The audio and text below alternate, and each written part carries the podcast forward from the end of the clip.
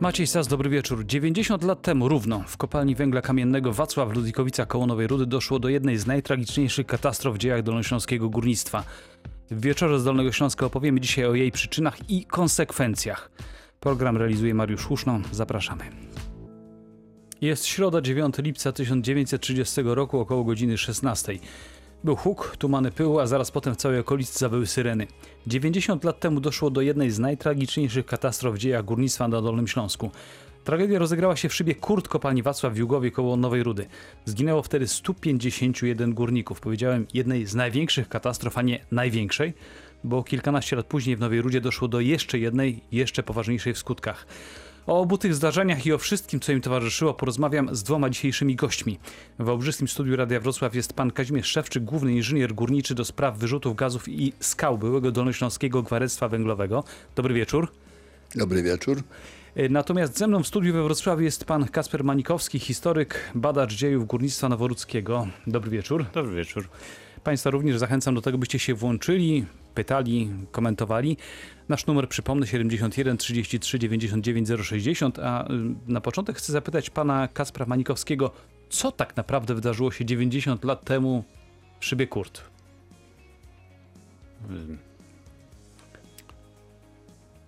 Bo to, to że, te, że coś takiego może się zdarzyć, można było podejrzewać, dlatego że w tych wybuchów było całe mnóstwo.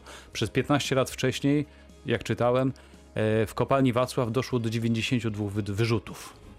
E, Tak, były to e, zdarzenia, które miały, były znane już e, e, wśród górników. E, Wtedy doszło do e, naprawdę dużego wyrzutu e, gazowo-skalnego, e, e, w którym e, górnicy e, e, tak naprawdę e, No bo to, to była taka sytuacja, zwykle kiedy mówimy o wypadkach w kopalniach, mamy na myśli wybuch metanu, jakieś straszne rzeczy. Tutaj tego nie było, zaraz pana Kaźmierza też o to zapytamy, bo on będzie na ten, od strony technicznej to dos- doskonale znał. Zginęli tak naprawdę dusząc się, prawda? Tak, zostali uduszeni przez dwutlenek węgla y, i dopiero y, y, później przysypani y, mm, skałami i węglem, który zost- został wydobyty przez, przez wysokie ciśnienie y, tego gazu. Tak, to była specyfika y, kopalni noworudzkich, że tutaj nie było do czynienia z, z zagrożeniem metanowym, ale było duże zagrożenie właśnie dwutlenku węgla. E, Tutaj aż się prosi, żebyśmy zapytali właśnie pana Kazimierza Szewczyka. Pan z takimi rzeczami miał do czynienia oczywiście dużo później. E, Często. Co tak naprawdę powodowało, że to Zagłębie Noworudzkie było tak trudne? Bo tych czynników było kilka, prawda? No na pewno. Ja wiem, czy było to tr- trudne. Po prostu było ciekawe, interesujące. Warunki układów zalegających y, na dole, no były dość, można powiedzieć, nie najgorsze, jeżeli zaczęto wydobywać węgiel przy powierzchni i tak dalej. Natomiast wchodząc głęboko, głębiej, y, pokłady były coraz bardziej nasycone gazami, dwutlenkiem węgla, metanem. No i w czasie tej prowadząc tą eksploatację, y, ten gaz się po prostu do wyrobisk wydzielał. Prowadząc roboty górnicze, naruszaliśmy pewną równowagę w urotworze. I ten, jeżeli to się wydzielało powoli, regularnie, to wentylacją intensywną rozrzedzaliśmy, odprowadzaliśmy na zewnątrz. Ale czas do czasu zdarzały się wyrzuty i nagłe wypływy ze szczelin. Teraz tam było, dość dużo us- uskoków małych, większych, którymi szczelinami wydobywał się gaz, jak również były, zdarzały się wyrzuty na skutek różnych naprężeń. To było wyrzucenie do wyrobiska dość dużej ilości skruszonej skały, węgla, z któremu towarzyszył gaz. I w Nowej Rudzie to szczególnie był dwutlenek węgla. Był to bardzo niebezpieczny. Jeżeli wyrzuciło masy skalne, to one można, można powiedzieć, największy był 5000 ton, to do, do 500-400 metrów wyrobiska zasypało. No, kto był w zasięgu tego, yy, tych mas skalnych, to już nie przeżył. Natomiast Nie miał szansy najgorzej- przeżyć właściwie, prawda? Natomiast gaz się wydzielał, najgorszy gaz, on się wydzielał na całą kopalnię, na cały obszar kopalni. I nawet bywały przypadki, że on wypływał na powierzchnię, ponieważ była taka jego ilość duża, pojemność, że wypełnił wszystkie wyrobiska i szybem potrafił wydostać się na powierzchnię. Tam taki na, w Nowej Rudzie szyb Drogosław, który mieszkańcy wokoło byli zagrożeni w tym czasie, a były te wyrzuty, nawet dwutlenkiem węgla. Wokół Czyli nie, trzeba było zawsze- być, czyli nie trzeba było być pod ziemią, żeby się zatruć, tak? Tak, oczywiście. Były przypadki w świecie znane, w Niemczech czy gdzieś, że 20 osób Merkel na powierzchni za, za ten dwutlenek węgla zadusił.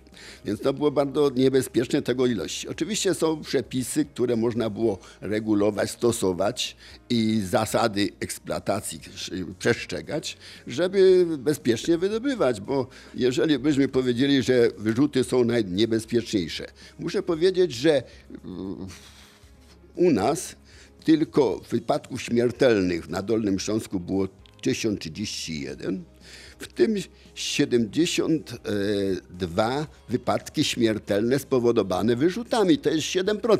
Ale to mówi już pan o czasach powojennych. Proszę? Czyli- czyli mówi pan o czasach to polskich. Ja, ja, ja. Natomiast przed wojną były te dwie katastrofy, co pan redaktor dobrze powiedział. I cała chlubna statystyka jest taka, że tych, tych rekordów nikt na świecie nie pobił. No nie, W dalszym ciągu największym, najwięcej wypadków przy wyrzucie, mówię o przy katastrofie, jest w Nowej Rudzie. Natomiast Wacław jest na drugim miejscu. Na trzecim miejscu jest jakaś kopalnia Belgii Agrap.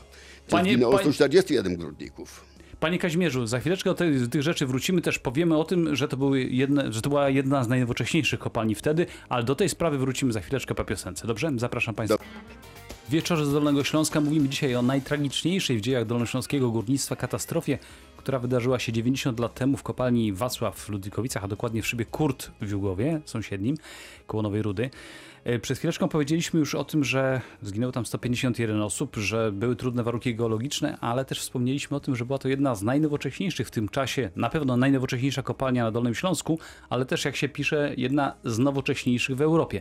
Tutaj e, zwracam się do pana Kazimierza Szewczyka, e, eksperta, inżyniera górniczego. Proszę powiedzieć, na czym polegała ta nowoczesność w tamtych czasach? Bo tam chyba sporo takich rozwiązań, których gdzie indziej jeszcze nie było wprowadzone. Tak, ja przeglądałem te wszystkie materiały, dość dużo na ten temat jest, piszę i tak dalej. Jednopodmiot górniczy przede wszystkim yy, na powierzchni. Zaimponowała mi na zdjęciach, to widać powierzchnia, przede wszystkim nowoczesny zakład przeróbczy, elektrownia przy tym, yy, obiekty kopalniane. Yy, stawiam, ja jeszcze w latach 70. oglądałem, to robiły wrażenie. Teraz to już właściwie wszystko wyburzyli większość. Tak, tam Natomiast już nie ma tego. Ja zresztą pochodzę z Ludwikowic, więc Tak. e, pamiętam jak to wyglądało kiedyś jak dzisiaj. Tak, tak to wyglądało. To imponujące. Natomiast była, przeglądając mapy, roślinka bardzo nowoczesna. System eksploatacji przygotowany, pokładów odprężających, bardzo nowoczesny, bardziej skuteczna metoda. Więc można powiedzieć, że y, y, ta kopalnia była taka wzorcowa. Wykorzystano najnowsze myśli techniczne w tym czasie. Nie można powiedzieć, że nic nie wiedzieli, że błędy popełnili. Nie. To była pod tym względem, można powiedzieć, zaprojektowana kopalnia bardzo nowocześnie i pod względem bezpieczeństwa jak najbardziej zachowana. Z tym, że e, na dole zastosując już obudowę stalową wszędzie w chodnikach, w ścianach, stosując do urabiania wrębiarki. To było już do cykl przodu, to wałbrzyskie pozostałe kopalnie dolnośląskie to były daleko, daleko w tyle. Nikt temu wtedy nie dorównywał, prawda? nie równał nic. Oczywiście mimo to jakieś tam katastrofy y, doszło. Natomiast ludzie, mi się wydaje, że zainwestowało kierownictwo w technikę, techniczne, natomiast nie zainwestowało ochronę załóg górniczych, którzy tam pracują. Nie przewidywali, że taka katastrofa może być. Takie środki, wiadomo, na wyrzuty już się pojawiały wcześniej. Powinni wiedzieć i ludzie zabezpieczyć jakieś aparaty ratownicze do samoratowania się i tak dalej. Tego nie było. Tu nie powinno zginąć 150 ludzi, bo jeżeli w ścianach było 20-30 osób, to, to wiadomo, zasypanie i tak dalej. Natomiast ludzie poza ścianą, w rejonach i tak dalej, gdzie dwutlenek węgla poszedł i udusił ich, powinni się uratować. Panie Kazimierzu, ja teraz chciałbym jeszcze do jednej rzeczy nawiązać, bo mówimy o tym, że to była największa, pan zresztą przed chwileczką to potwierdził, największa katastrofa, Tak. jeżeli chodzi o wyrzut. A tutaj do pana Kacpra Manikowskiego pytanie, bo zdaje się, że to była katastrofa, która odbiła się szerokim echem w całej Europie, właściwie w świecie, prawda? E, Tak, znamy y, m, pracowe artykuły, które y, z Polski, nawet z rejonu y, y, Polski, z całej Europy, nawet z Ameryki, gdzie prasa pisała właśnie o tym wydarzeniu. I dzięki temu mamy też dostęp do, do ciekawych materiałów fotograficznych z, z tego wydarzenia. No unikalnych właściwie, bo mm, dzięki temu widzimy jak to wyglądało. Y, Co ciekawe, tam wtedy mm, y, cały świat słał też pieniądze, żeby pomóc rodzinom, no bo zginęło 150 górników, no ale też weźmy pod uwagę, że często ci górnicy byli jedynym, jedynymi, którzy utrzymywali całą rodzinę, więc grupa wdów, dzieci była bardzo duża. Y, Pomoc z całego świata też płynęła. Tak, jak najbardziej. Nawet papież poprzez lokalne, e, lokalny kościół e, dał datki na, na mm, rodziny ofiar E, i dzięki temu mm, rodziny Miały szansę jakoś się potem odnaleźć. Potem, Ro- tak? Rodziny górników mogły, mogły jakoś, tak, mogły dalej szukać rozwiązań na, na dalsze życie. Y, Ja chciałbym, tu- tutaj postawimy kropkę, bo za chwileczkę chciałem wrócić do jeszcze jednego wątku, mianowicie do takiego, że y, po tym wydarzeniu kopalnia upadła, y, ale też to rodziło bardzo szeroko zakrojone konsekwencje dla całej okolicy gospodarcze. I już za moment, za trzy minuty do tego wrócimy. Radio. 20.29 w wieczorze z Dolnego Śląska mówimy dzisiaj o najtragiczniejszym w historii dolnośląskiego górnictwa wypadku w kopalni Wacław w Ludzikowicach, a dokładnie w szybie Kurt w pobliskim Jugowie. Naszymi gośćmi w studiu są dzisiaj panowie Kazimierz Szewczyk, inżynier górniczy i Kasper Manikowski, historyk, badacz dziejów górnictwa noworudzkiego. Teraz wracając do sprawy, chciałbym panów zapytać jedną rzecz, no bo tak naprawdę wskutek tego wszystkiego, co się wydarzyło, a przypomnijmy, zginęło 151 górników, niespotykana rzecz, do dzisiaj zresztą, na szczęście. E, ale też to, co się tam wtedy wydarzyło, miało swoje konsekwencje dla, dla całego otoczenia. Przede wszystkim kopalnia w 1931 roku, czyli rok później, została zamknięta. E, Jak rozumiem, to musiało się też źle skończyć dla gospodarki całego otoczenia. Tu pytam pana Kaspra Manikowskiego. E, Tak, konsekwencje społeczne były ogromne dla tego obszaru, ponieważ pamiętajmy, że w kopalni pracowało około 2000 ludzi i mm, przeszło 9 tysięcy e, ludzi razem z e, górnicy razem z rodzinami e, praktycznie zostało bez, bez pieniędzy, bez możliwości Utrzymywania e, się. utrzymywania, tak? Y, Przypomnijmy też, że, że to jest y, okres wielkiego kryzysu gospodarczego, y, y, więc bezrobocie wtedy szalało y, w y, całych ówczesnych Niemczech. Tak? Mhm, A dodajmy, że tak naprawdę później jeszcze no, jesteśmy w czasach kryzysu, rok 33, NSDAP, czyli Narodowi Socjaliści w Niemczech dochodzą do władzy, reaktywowali kopalnie na kilka lat, prawda? tak, na kilka lat y, do 1939 roku. y, No to też nie do końca wyjaśniona sprawa, że dlaczego tylko na, e, e, na kilka lat y, i, i czemu to było później spowodowane te zamknięcie. Możliwe późniejsze plany, e, e, jakie naziści mieli dla tego miejsca. Y, Tu jeszcze o jednej ważnej rzeczy nie powiedzieliśmy, i z tym zwracam się do pana Kazimierza Szewczyka. Chyba też szalenie istotną rzeczą dla sprawy było też to, co wydobywano w kopalni Wacław, prawda? Bo to był unikalny węgiel, jeżeli chodzi w ogóle, no dzisiaj byśmy powiedzieli o Polski, ale wtedy na cały teren Śląska.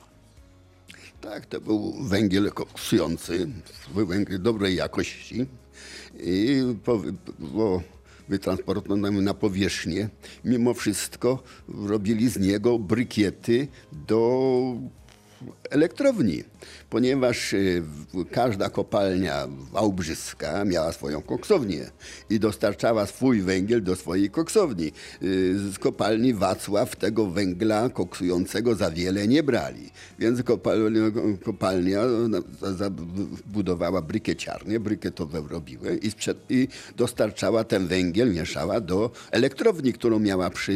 Zaraz obok zresztą, tak. Dodajmy Tak, zresztą, bo- że ta bo- elektrownia działała do lat 60. No, a jak- jakościowo węgiel jest bardzo dobry, ponieważ pamiętam jeszcze po sąsiedzku pniaki były, ja tam jeździłem na pniaki, ten sam węgiel, tylko piętro wyżej e, nad tym katastrofą był prowadzony i był bardzo dobrej jakości węgiel, który był przed do koksowni wtedy, jak Nowa Ruda już po wojnie pracowała. Czyli tak naprawdę to był węgiel, który też był idealny do, do, do, dla całego przemysłu stalowego, przemysłu zbrojeniowego. Tak, tam był bardzo potrzebny i tak dalej. Mhm. Panowie, jeszcze jedna sprawa, bo y, to ten, ten, ten wypadek też y, pokazał, że chyba bardzo potrzebne są zmiany.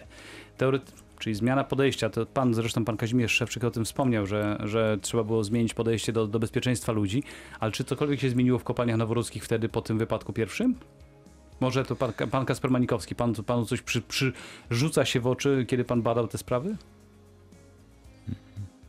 Nie było czegoś takiego, że jakieś zmiany zaszły, tak? Nie, jakichś y, y, y, takich szczególnych zmian, jeżeli chodzi o bezpieczeństwo, y, no, niestety jeszcze wtedy, y, y, wtedy nie zaobserwowano. To możliwe, y, że to było powiązane właśnie z wielkim kryzysem gospodarczym i, i, i Nie było pieniędzy na inwestycje po prostu Dokładnie. wtedy. Ja myślę, że do tego wątku za chwileczkę jeszcze wrócimy, kiedy wspomnimy o jeszcze tragiczniejszej mm, katastrofie, która zdarzyła się chwilę później, E, a na dodatek bardzo mało nie wiadomo, bo zdarzyła się w czasach wojny, więc e, też propaganda niemiecka robiła wszystko, żeby to nie poszło w świat i żeby za bardzo tego nie nagłośnić. Do tej sprawy za moment wrócimy, a na razie posłuchamy muzyki. Mówimy dzisiaj w wieczorze z Dolnego Śląska o najtragiczniejszych katastrofach e, górniczych na Dolnym Śląsku. Zaczęliśmy od e, katastrofy z 1930 roku, dokładnie 90 lat temu do niej doszło w kopalni Wacław e, w Ludwikowicach, a dokładnie w szybie Kurt w Jugowie. Ale to nie była największa, nie była to katastrofa, w której zginęło najwięcej górników. 11 lat później, chyba 10 maja, o ile pamiętam, 1941 roku w kopalni w Nowej Rudzie, parę kilometrów dalej, doszło do jeszcze tragiczniejszego zdarzenia, w którym zginęło jeszcze więcej ludzi. Tutaj pana Kaspra Manikowskiego, historyka, który badał te sprawy, zapytam, to, to był już naprawdę wielki dramat. Tak, to był y, wielki dramat. W innych y, y, okolicznościach historycznych, bo to już mówimy y, o II wojnie światowej, były inne, inne tło. Aczkolwiek y, to było podobne, podobne wydarzenie do, do tego z Wacława, tyle że no, tutaj więcej, więcej ludzi zginęło. Tak, bo tam zginęło 187 górników. Dodajmy, że to było też miejsce, to był specyficzny czas, pan powiedział o tej wojnie. E, Wielu górników poszło na wojnę, no właśnie, zaciągając się do Wehrmachtu. E, A w to miejsce na przykład pracowali, co, co wyczy, można wyczytać też w różnych opracowaniach, między innymi e, jeńcy e, angielscy z obozu ze Stalagu w Łambinowicach koło Opola, prawda? Tak, od końca 40 roku stworzono mały obóz w Nowej Rudzie, gdzie y, sprowadzono kilkudziesięciu jeńców wojennych y, z Anglii. Y, I y, to jest ciekawe, że między innymi w, y, y, w tej tragedii zginął y, jeden jeniec angielski, y, o którym przez, y, y, przez wiele lat nie wiadomo było, y, y, y, nieznana była jego tożsamość. Y, y, Na szczęście udało to się y, y, określić y, w ostatnim czasie. Był to kanonier Page, który dostał się do niewoli podczas kampanii francuskiej w maju 40 roku. Czyli tak naprawdę jeszcze jedna rzecz jest istotna, czy ci jeńcy byli zmuszani do pracy, no, czego właściwie konwencja genewska zabraniała, czy też jak wyczytałem gdzieś, oni sami się zgłosili, żeby nie, nie nudzić się w obozie. Tak. y, życie jeńca wojennego y, odbiegało od y, rzeczywistości, którą znamy choćby z terenów okupowanej Polski. Oni w obozie jenieckim no, praktycznie siedzieli i nie mieli nic do roboty, można tak powiedzieć kolokwialnie. Także żeby zabić nudę i cokolwiek robić, chętnie, y, w, zwłaszcza w tych, w tych pierwszych latach, y, brali udział w takich y, y, właśnie y, mm, zaciągano ich do pracy. Samo też to, że y, jeńcy angielscy często pochodzili z, Z terenów y, górniczych. Z terenów górniczych, więc y, mieli o tyle, y, można powiedzieć, łatwiej, że znali pewną specyfikę pracy. Teraz y, do, odbiegniemy do naszego studia w Wałbrzychu, gdzie jest pan Kazimierz Szewczyk, inżynier górnik. Y, Panie Kazimierzu, to co wydarzyło się w Nowej Rudzie no było jakąś ogromną tragedią, natomiast mało o tym też było wiadomo. Co się tam tak naprawdę wydarzyło? Pole piast, ko- ko- kopalni Nowa Ruda wydobywano łupek ogniotrwały i węgiel kamienny. Mówią, że łupek ogniotrwały był bardziej nawet cenniejszy niż węgiel kamienny. A to ciekawe. Na, natomiast między tymi polami jednym i drugim y, postawiono tamy pancerne, żeby y, ta część węglowa, gdzie była bardziej zagrożona, nie, nie szkodziła tym ludziom, co pracowali na polu łupkowym. I podczas y, jedną z metod takiego zwalczania wyrzutowego w tym czasie, zagrożenia wyrzutowego, było strzelanie wstrząsowe, które miało prowokować wyrzut przy zamkniętych tamach, a nie żeby on na, nastąpił w czasie pracy ludzi. I wtedy też y, przy udostępnieniu takiego pokładu 415 przekopem y, nie nawiercili go dobrze, nie zbadali i po odstrzale 15 minut odczekali za tamami pancernymi i strzałowi otwarli i weszli w rejon. Niestety. W tym czasie nastąpił wyrzut. Pod szybem było 180 ludzi, bo klatka miała małą pojemność, 10 osób. Zjeżdżała za, załoga z, na nocną zmianę, wyjeżdżała do góry z e, popołudniowej zmiany. Więc tam było grupo, zgrupowanie 180 ludzi. I nastąpił, a ten gaz, który się wydzielił podalej, tutaj ponad 200 tysięcy metrów sześciennych dwutlenku węgla i 4400 ton yy, wyrzuconych zostały i ludzie znów nie byli zabezpieczeni, nie mieli sprzętu ochrony osobistej i wszyscy się podusili. Tam tylko w pięciu się chyba uratowało, bocznym szybem uciekli Wanda. Tak to zjawisko nastąpiło powodu tego i na, po tej katastrofie niemiecki urząd górniczy wprowadził obowiązek wyposażenia załogi w polach zagrożonych wyrzutami aparaty tlenowe zabezpieczające. I tak powstało wtedy aparat Nowa Ruda półgodzinny, co w każdy górnicy zjeżdżali na dół. Czyli tak Chyba naprawdę tak. dopiero po tym tragicznym wydarzeniu, 187 osób przypomnijmy, Tak. dopiero zaczęto myśleć o ludziach. Tak, wtedy zaczęto myśleć, jak zabezpieczyć ludzi przed tym niebezpieczeństwem, które jest. Może nastąpić w każdej chwili.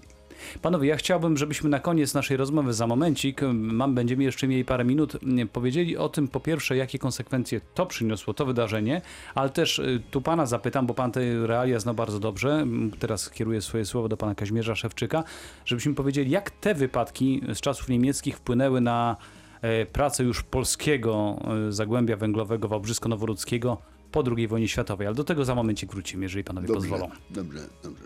Organek śpiewał o wiośnie, a również wiosną wydarzyło się, wydarzyła się tragedia, o której teraz mówimy, czyli ogromna tragedia, czyli wypadek, katastrofa w kopalni Nowa Ruda, y, rok 1941, y, 10 maja, czasy wojenne, bardzo trudne.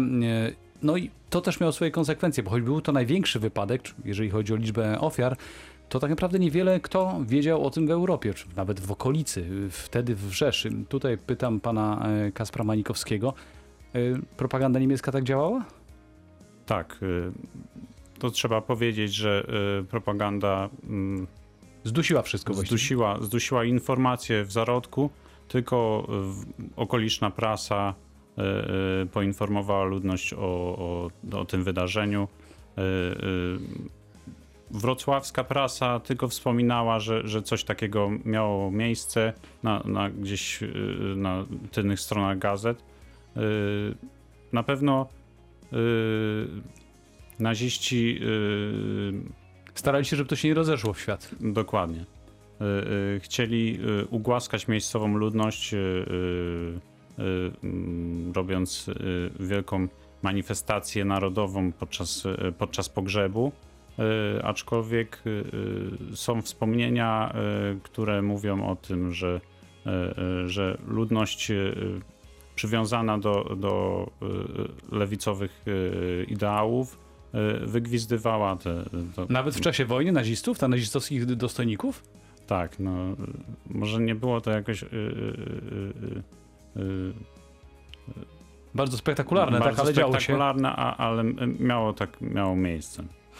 Yy, Bardzo ważną sprawą jest też to, że oba wypadki, o których dzisiaj rozmawiamy, czyli wypadek z 1930 roku z kopalni Wacław i ten wypadek z 1941 roku z kopalni Nowa Ruda, miały też ogromne znaczenie dla tego, co się potem działo już po wojnie w polskich już kopalniach przejętych przez Polaków. Yy, I teraz chcę zapytać pana Kazimierza Szewczyka, głównego inżyniera górniczego do spraw wyrzutów gazów i skał byłego dolnośląskiego gwarystwa węglowego. Panie Kazimierzu, to wszystko chyba było w świadomości państwa, którzy decydowaliście o tym, co się tutaj działo i też bardzo rzutowało na, na rozwój naszego górnictwa.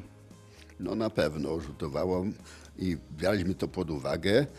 Prawdę mówiąc, że w 1945-1946 roku, jak zaczęli tu pracować e, w tych kopalniach, to Polacy no, byli, można powiedzieć, nie bardzo rozeznani. Jeżeli przyjechali Polacy gdzieś z Górnego Śląska, gdzie nie było wyrzutów, czy z Borysławia, no jedyna część to Francji były wyrzuty i ci przyjechali Francuzi. I trochę te się znali na początki- tak, i to trochę zaczęli to prowadzić tą eksploatację zgodnie z techniką. Oprócz tego przepisów nie mieliśmy, więc musieli przetłumaczyć niemiecki. Z biegiem czasu no, opracowaliśmy własne przepisy.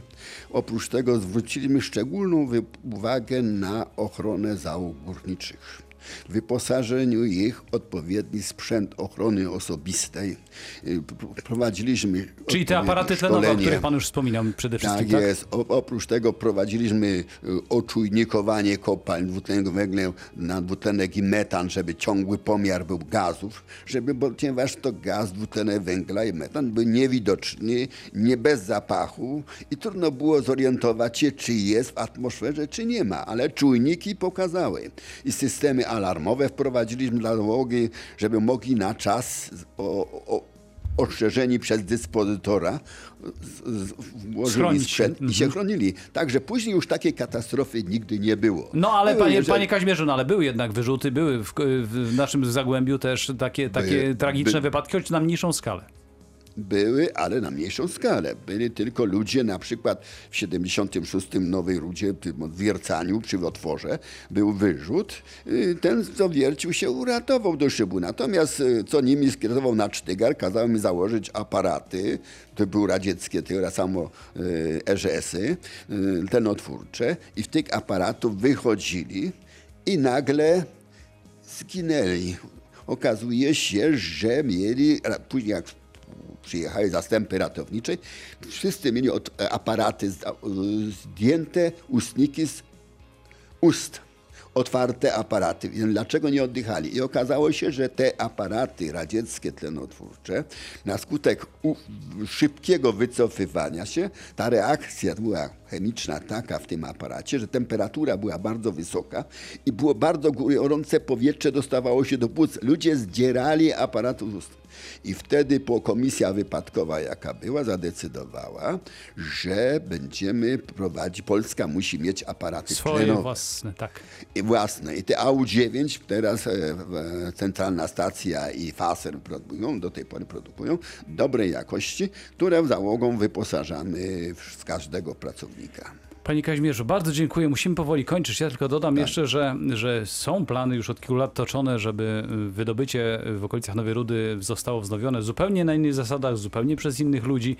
Być może kiedyś do tego wrócimy, ale to jest na zupełnie od- oddzielną sprawę. Dodam tylko jeszcze na koniec, że do dzisiaj w Ludwikowicach jest pomnik tych, którzy zginęli w 1930 roku w kopalni Wacław. Można go zobaczyć, można, zresztą zawsze są tam składane świeże kwiaty, mimo upływu lat.